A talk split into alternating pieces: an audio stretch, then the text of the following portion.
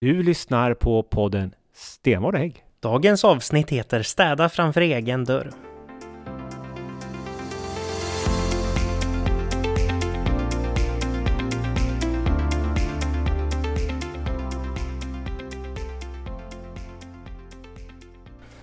Välkommen till eh, valårets första poddavsnitt. Ja, men tack så mycket. Kul att man fick komma tillbaka en gång till. Hänga kvar fortfarande. Ja, än har du inte lyckats bli av med mig. Nej, och detsamma. Du har inte kastat ut mig heller. Ja, men du är ju ändå någonstans grundaren av den här podden, så din befogenhet är ju strax över min. eh, idag ska vi prata om eh, dubbelmoralen inom politiken. Alltså politiker som inte... Som säger en sak hur man ska göra, men gör något helt annat. Det har varit i De finns nu. i överflöd. Det har varit i ropet nu. Ja, vår nya statsminister eh, har ju trampat lite i klaveret och åkt dit. Eh, och då är det väl det jag tänker på när Magdalena Andersson vart vald till partiledare för sossarna i sitt brandinledningstal, första talet som partiledare, så ondgjorde hon ju sig över alla de som nyttjar svart städhjälp eller svart arbetskraft överlag eh, i Sverige. Hon menar att det är de som göder gängkriminaliteten. Det är därifrån ekonomin kommer in till gängen. Ganska hög svansföring kan man säga. Otroligt hög svansföring, eh, måste jag säga. Och sen så kommer det ju fram då, bara några veckor senare, att hon har ju då svart städhjälp eh, i hemmet. Eh, någon eh, Ska vi vara rätt att säga, vi vet ju inte om den var svart, så det var att det var en, eh, en papperslös, alltså en som befinner sig i landet illegalt, som var i hennes hem och städade. Så var det. Ja. Och eh, även ägaren av den här städfirman hade väl åkt alltså dit det är för... frågetecken kan man säga. Ja. Och de hade inte kollektivavtal. Nej, vilket hon... eh, Nämnde hon det i sitt inledningstal? Ja, det vet jag inte riktigt, men de har ju väldigt hög svansföring just när det gäller att man ska ha kollektivavtal till... Och det får ju vi höra på så regional och lokal nivå från sossar också när det kommer till upphandlingar, att vi måste ställa krav på att de vi upphandlar ifrån har kollektivavtal och att det är schyssta villkor och sådär. Men när statsministern upphandlar sin egen städhjälp, då behöver man inte ställa det kravet. Ja, då skyller man på Säpo istället. Ja, det är ju typiskt den här dubbelmorals... Eh, dilemma ska jag inte säga att det är, för det tycker jag nog inte att det är, utan det är nog mer bara, man måste ju leva som politiker som man lär ut. Precis. Jag tänker mig efter om det uppstår någon eh, problematik kring något företag vi upphandlar från regionen så kan ju vi skylla på Säpo då istället. Men det är inte första gången statsministern gör på det här sättet. Vi hade ju också den tidigare statsministern, Göran Persson. Nej, Göran Persson inte alls. Menar du inte eh, Stefan Löfven? Jo, men Jo, det är det. Jag tänker Göran Persson, han har väl alltid gjort exakt som han själv vill och det är inte så många som kastar skit på för det nu. Eller ja, det kanske är i och för sig. Ja, men det är såklart, det var Stefan Löfven jag tänkte på. men det är så många eh, Men Göran Persson kan vi också säga, han drev väl han föraktade klassamhället. Han var i krig mot klassamhället, sa han väl till Carl Bildt i någon debatt. Nu bor han i någon herrgård i Sörmland och är bankstyrelseordförande. Ja. Så så mycket för att bekämpa klassamhället från Göran Perssons sida ändå.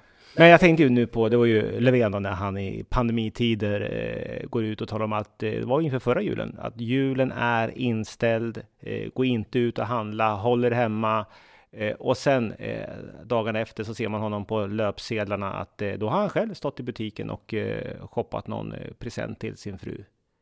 Det är väl dubbelmoral? Det är ju dubbelmoral. Och, men jag tänker, han hade ju liksom kunnat skademinimerat åt sig själv. Han hade ju kunnat skicka dit någon annan, tänker jag, och handla det där om det nu var superduperviktigt. Alltså, för den befogenheten har han ju ändå någonstans som statsminister. Han har ju personal och människor runt sig som man kan säga, du skulle du kunna gå till gallerian och fixa det här. Men att han ändå ger sig ut själv och liksom försätter sig i den situationen att han kan hamna på löpet är ju ett eh, strategiskt eh, snedsteg kan jag tycka. Men det är inte olagligt eh, på det sättet, men Nej. omoraliskt. Precis. Sen har vi ju den store ledaren på, i Storbritannien. Västerut. Västerut. Inte ända i USA, men på vägen dit. Boris Johnson. Han har också trampat i klaveret kan man säga. Det kan man ju säga. Han har ju infört ganska hårda restriktioner som premiärminister och styrde väl Garden Party eller något liknande. Han, han var på en fest i alla fall. I sin egen trädgård? I sin egen trädgård när han har infört restriktioner på resten av samhället. Inte superduper smart. Då blir ju hans trovärdighet ganska låg när han då går ut och talar om hur andra människor ska göra, men själv så skiter han i det. Ja, det finns ju till och med de i hans egna parti nu som tycker att han borde avgå som premiärminister. Så han får det tufft där. Vi får se vad, om han reder ut det. Men bekymret han hade också, det är väl att han eh, försökte bortförklara sig. Magdalena skyllde på Säpo. Eh, mm. Men Boris Johnson skyllde ju på allt och alla, känns det som. Eh, lite grann så. Han visste inte om att det var en fest. Nej, i och för sig spännande. eh, nej men han, han har ju gått ut varje morgon utanför Downing Street under pandemin och klappat händerna en minut åt vårdpersonalen i Storbritannien också. Jag tror de applåderna ekar ganska tomt nu. Tomma tunnor skramlar högst. Men här eh, regionalt, hos oss då? Förekommer det här också eller? Det finns ju exempel här också. Jag, jag ska väl erkänna här att eh, förra sportlovet så var jag i Sälen. Vi har, min familj har en, har en, stuga i Sälen som vi var i. Ingen annan var där. Vi åkte själva bilen upp dit. Jag tyckte mig nog att vi följde de restriktioner eller de rekommendationer som fanns. Eh, men där då fick jag ju då eh, höra, veta ett och annat från eh, Moralens väktarregionen, ett av majoritetens regionråd. Och ganska hårt om att jag minsann var där. Till och med så de ringde media och, och, och, tipsade om att jag var där. Så de ringde och frågade, stämmer det här? Och ja, såklart. Jag följer de rekommendationer som finns. Nu kommer det fram att eh, nu i mellandagarna så har ju samma person då varit eh, utomlands. Mm. så att eh, man kan moralisera över eh, att jag var i Sälen ensam i en stuga, men att eh, man själv åker utomlands mitt under brinnande pandemi. Det tycker jag, det blir en dubbelmoral. Så jag har inga synpunkter på att man åker utomlands. Man kanske inte ska skuldbelägga andra då som har eh, suttit i en stuga eh, någonstans uppe i Sälen. Och det där är ju lite spännande. Liksom, vad är okej okay och inte? För jag tänker partierna på vänsterkanten som gärna pekar med hela handen åt befolkningen och gärna eh, styr människor så. Det blir lite jobbigare för dem. Vi som ändå kanske tycker att människor ska vara fria och leva lite som de vill. Vi kanske har lite bredare svängrum där faktiskt. Att eh, kunna leva lite friare, för vi pekar inte lika mycket med hela handen åt befolkningen och säger det är det här som gäller. Så dilemmat är egentligen att man, man ska leva utifrån sina egna principer. Säger man åt någon annan att göra någonting så ska man själv följa det. Och det tycker jag låter ganska sunt. Exakt. Vi försöker. Men eh, är det okej okay då att eh, när vi kommer till vad som är lagligt inte. En sak är vad som är omoraliskt eller om man har en egen moral eller man dömer andra. Men det, det lagliga, det finns ju en väldigt tydlig gräns där. Är det okej okay då? Jag menar, varken eh, den som har rest utomlands eller våran, våra statsministrar har ju brutit mot någon lag. Var är gränsen där? Ja, alltså jag tänker så här, varken du eller jag eller Moderaterna är väl kanske vi står väl kanske inte på barrikaderna och skriker oss hesa om hur fantastiskt det är med kollektivavtal i alla lägen. Så ifall du och jag hade tagit in städhjälp hemma, hyrt in en städfirma som saknade kollektivavtal, så hade ju inte det varit något moraliskt övertramp från vår del. Gränsen går väl där ifall vi hade betalat eh, städfirman svart, för det är ju faktiskt en brottslig handling. Eh, och någonstans så får man väl ändå, så tror väl vi moderater på att de lagar som gäller och regler som finns ska följas, oavsett vad man kan tycka om lag, alla lagar och regler som finns. För det finns väl kanske till och med regler och lagar vi kanske tycker borde tas bort och sen finns det sådana vi tycker borde införas. Om man inte gillar en lag, är det okej okay att bryta mot den? Ja. Handen på hjärtat. Handen på hjärtat. Ja, men jag kan ju ta som exempel att personligen så tycker jag väl att det här rökförbud på uteserveringar är socialistiskt förmynderi. Jag kan tycka att det borde vara upp till varje krögare själv att få bestämma om man får röka på deras uteservering. Eh, men det är ju ändå, skulle jag tända en cigg då på en uteservering så är ju det brottsligt. Um, sen kanske jag inte är den personen som går fram till någon som jag ser står och röker vid en uteservering och säger nu får du släcka den där ciggen. Uh, men jag, jag, själv tror jag för, faktiskt inte att jag skulle våga göra det i Sverige av ren Även fast jag tycker att lagen är dålig så tror jag inte att jag skulle göra det av rent så att folk ska se. Och då har vi nu här då, sanningens minut. Har du gjort det eller inte? Rökt på en uteservering? Trots förbud. Vi gjorde faktiskt i Almedalsveckan samma helg, tror jag det var, eller samma dagar som den här lagen skulle eh, träda i kraft vid 00-tiden. Så eh, då röktes det på, på en uteservering bland massa borgerliga ungdomsförbundare eh, i Visby. Finns det andra saker som du har brutit mot då? Jag har kört för fort. Det är en typisk sån sak. Ja, jag ska ja. erkänna, jag har väl också, ligger kanske lite över mm. den, den skyltade hastigheten. Nej, men det här är, ja, mm. nu kommer det fram. Nu är det här sanningens ögonblick. Mm. Du då? Man ska väl säga så här att det eh, inte vad jag vet i förväg att det här är liksom, men typ att köpa en, en svart, betala svart. Det är en sån här fråga som jag har eh, det ska man absolut inte göra. Men det är ju ganska svårt att veta i förväg alla gånger. Jag kan säga, jag ska nog erkänna att man har kanske varit på någon torghandel och man betalar och sen ser man att de inte slår in i kassaapparaten. Det är ju svarta pengar, det fattar jag efteråt. Mm.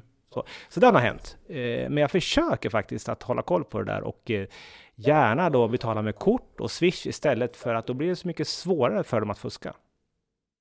Jag begär också kvitton. Kanske lite för ofta enligt min familj. Mm.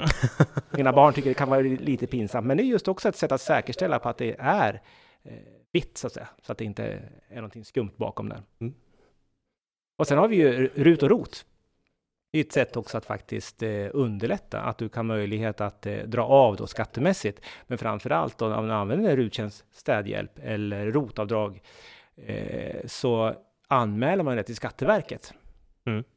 Då blir det på något sätt också i systemet. Det är också mycket svårare för för de här entreprenörerna att eh, ta emot svarta pengar. Det är kanske nästan ett värre liksom, moraliskt övertramp för en politiker på vänsterkanten. Alltså det här med kollektivavtal är en grej, men ifall någon politiker, en sosse, skulle nyttja rutavdraget, det är ett värre övertramp Så nästan. Så du menar att Magdalena Andersson kanske använder rut när hon städar sin, sitt hus hemma? Ja, det hade ju nästan varit värre, för det gillar de ju absolut inte att man ska använda. Ja, samtidigt, vi låter ju människor bestämma själv. Det gör vi, men då är det återigen där, dubbelmoralen. Det är lite grann som Lars Ohly som alltid har varit emot privata alternativ i välfärden. Hans barn gick väl i någon eh, ganska eh, ståndsmässig friskola i Stockholmsområdet. Jag tror att det var något sånt där. Men eh, vad kan man ställa för krav på politiker då? För nu blir ju intressant. Jag menar, om vi nu på något sätt försöker, här har vi blottat oss fullständigt. Mm. Eh, men också hur vi försöker eh, att inte omedvetet så att säga kunna aktiga. Men eh, vilka krav kan vi ställa på en politiker? Ska inte politiker vara lite grann vem som helst? Lite som vanligt folk är. Ja, det där tycker jag är det där blir jobbigt, för där måste jag nästan, där ska jag peka till väljarna och säga, där kan väljarna faktiskt ha en dubbelmoral ibland. För väldigt många man träffar, eh, politiker måste vara med som folk, måste prata som man förstår, eh, vara som alla andra. Men samtidigt, minsta lilla fel en politiker gör så är liksom kommentarsfälten fulla på Facebook bara en jävla klåpare, ja vad kan politikern ha gjort? Säg att politikern har rökt på en uteservering, så är det liksom hundratals kommentarer om vilken jävla sopa den här politikern är. Eh, men sen får de också på sig, ja fast politiker måste vara med som folk, så det där är liksom det måste man nästan, tror jag, som medborgare tänka efter. Hur vill man att politikerna ska vara? Ska politikerna vara felfria människor som aldrig har begått ett misstag i hela sitt liv, eller ska de vara lite grann som folk är i allmänt? Personligen tycker jag det senare, för det är ändå folket politikerna ska representera. Så du menar alltså att vi inte behöver ställa högre krav på politiker eh, än på våra väljare? Jag ställer högre krav på politiker. Jag tycker vi ska visa, visa vägen. Att faktiskt eh, så jag har nog hårdare krav på mig själv än vad jag har på andra. När det gäller just det här med det, följa lag och ordning och det moraliska. Ja, absolut delen. följa lag och ordning. Det ska ju alla medborgare göra, men kanske främst politiker eftersom att det är politiker som stiftar lagar och sätter regler. Så lite svart städhjälp är inte okej? Okay. Eh, nej, det måste jag nog ändå säga att det är. Sen det rent moraliska biten är ju spännande, för det här, man, politiker ska visa framfötterna, liksom leda vägen och samtidigt så ska de representera folket, vara, vara som folket. Um, och är folket liksom moraliskt superior exakt hela tiden? Det där är, jag, tycker det, jag tycker det är svårt. Slutsatsen blir alltså då att vi ska leva som vi lär. Om vi är för någonting och talar om för andra att det här gäller så ska vi leva efter det. Det är en viktig princip. Mm. Vi ska följa lagen. Ja. Det är en viktig princip. Men jag tycker inte att vi måste vara liksom... Perfekta. Perfekta måste vi inte vara. Och om man då gör som Boris Johnson, råkar ha en fest man inte kände till. Mm. Det hade ju varit helt annorlunda om Boris Johnson hade sagt att nu struntar vi i de här restriktionerna, nu tar vi bort alla restriktioner. Då hade det varit en annan sak. Men när det väl händer, att då faktiskt också inte försöka mörka. Eller skylla på någon annan. Skylla på Säpo. Skylla på Säpo kanske man inte ska göra. Fast det tror jag jag ska ta med mig här hädanefter. Så här, om sossarna här i regionen kastar skit på mig, då ska jag skylla på Säpo. De, de hittade en skidbacke i, i Kungsberget, då blir det liksom, ja, det är Säpos fel. Det är Säpos fel. Nej, men jag tror ändå, eh, det finns mycket att fundera på för oss eh, förtroendevalda. Helt klart eh, att man faktiskt lever som man säger åt andra att de ska leva. Följa lag och ordning. Men samtidigt ska vi vara som folk är mest. Ja. Ja. Eh, det här tror jag vi kommer få följa med. Det kommer nog komma upp fler skandaler eller avslöjanden från. Nu har ju bara det här avsnittet finns väl en uppsjö till ett par redaktionella artiklar om. Vi får se när jag öppnar GD imorgon hur det ser ut. Nej, men så. Eh, så är det klart att det här, vi har inte sett sista av det här än, men, men, eh, men jag måste fråga en annan sak. Kan man ställa högre krav? För jag kan känna ibland att vi moderater blir hårdare granskade, men det kanske är naturligt eftersom vi själva är moderater än vad våra motståndare blir. Jag tror så här att hade det varit Ulf Kristersson eller Ebba Busch som hade haft den här eh, städhjälpen hemma så hade det, alltså Aftonbladets ledarsida hade varit dränkt med skit och glåpord mot eh, Ulf och Ebba. Men det är nog, alltså jag vet inte om det bara är för att man är aktiv moderat själv, men jag tycker nog ändå att partier till vänster och mitten granskas betydligt snällare än vad eh, högerpolitiker gör. Vi hade ju våra ministrar i början då på förra gången, då när vi hade alliansregering i början, så var det två ministrar som inte hade betalt tv-licens. Ja. Som fick lämna. Borelius och eh, ja. Stege, va? Ja. Medan idag tror jag väl att en, en politiker som inte betalar, nu är det ingen licens längre, nu är det en avgift, en skatt. Att man inte hade betalat den hade klarat sig lättare idag, så det kanske också ändras över tid. Och det, det är också, när är det okej okay att komma tillbaka? Tänker jag. För har man liksom fått tag i smällen, då kan jag väl ändå tycka någonstans att det är det borde vara okej okay för Maria Borelius och Cecilia Stegö Kilå som åkte dit då i början av Reinfeldt-regeringen att komma tillbaka om de så önskar. För vi vet ju Aida Hadzialic som var gymnasieminister i första Löfven-regeringen åkte dit för rattfylla, försvann, har nu gjort comeback som sossarnas ledande regionråd i Region Stockholm. Så för henne, har, för henne har det varit någonstans okej okay att komma tillbaka. Och jag tycker, har man liksom tagit sitt straff och liksom tagit smällen, då, jag kan tycka att det är okej okay att komma tillbaka. Jag tycker faktiskt att hon är en ganska skicklig och duktig eh, politiker. Eh, dock så tror jag att det är mer accepterat att en sosse gör det än att en högerpolitiker gör det. Så bara man efteråt ber om ursäkt och eh, lämnar ett tag så kan man komma tillbaks? Någonstans tycker det. Det finns ju också gränser. Har man mördat någon kanske man inte ska komma tillbaka till eh, politiken, men eh... Ja, ja nej, den där tror jag också är, som sagt var, döms olika över tid, också mm. mellan olika partier, och också hur man hanterar situationen. Hon kanske hanterar den på rätt sätt, medan då eh, tv-licenspersonerna här inte mm. hanterade på rätt sätt. Mm. Så det är också hur man hanterar det. Men jag har en sista fråga. Betalar du tv-licens? Det dras väl på skatten nu, va? Har du koll på det? Jag förutsätter att det dras på skatten. Men nu har inte jag någon tv inkopplat till mig heller. Jag använder bara streamingtjänster, ja. så det är... Så kanske, ja. Ja, är det där är jag betalar i alla fall. Mm. Den skatten, det vet jag. Nu börjar jag svettas här.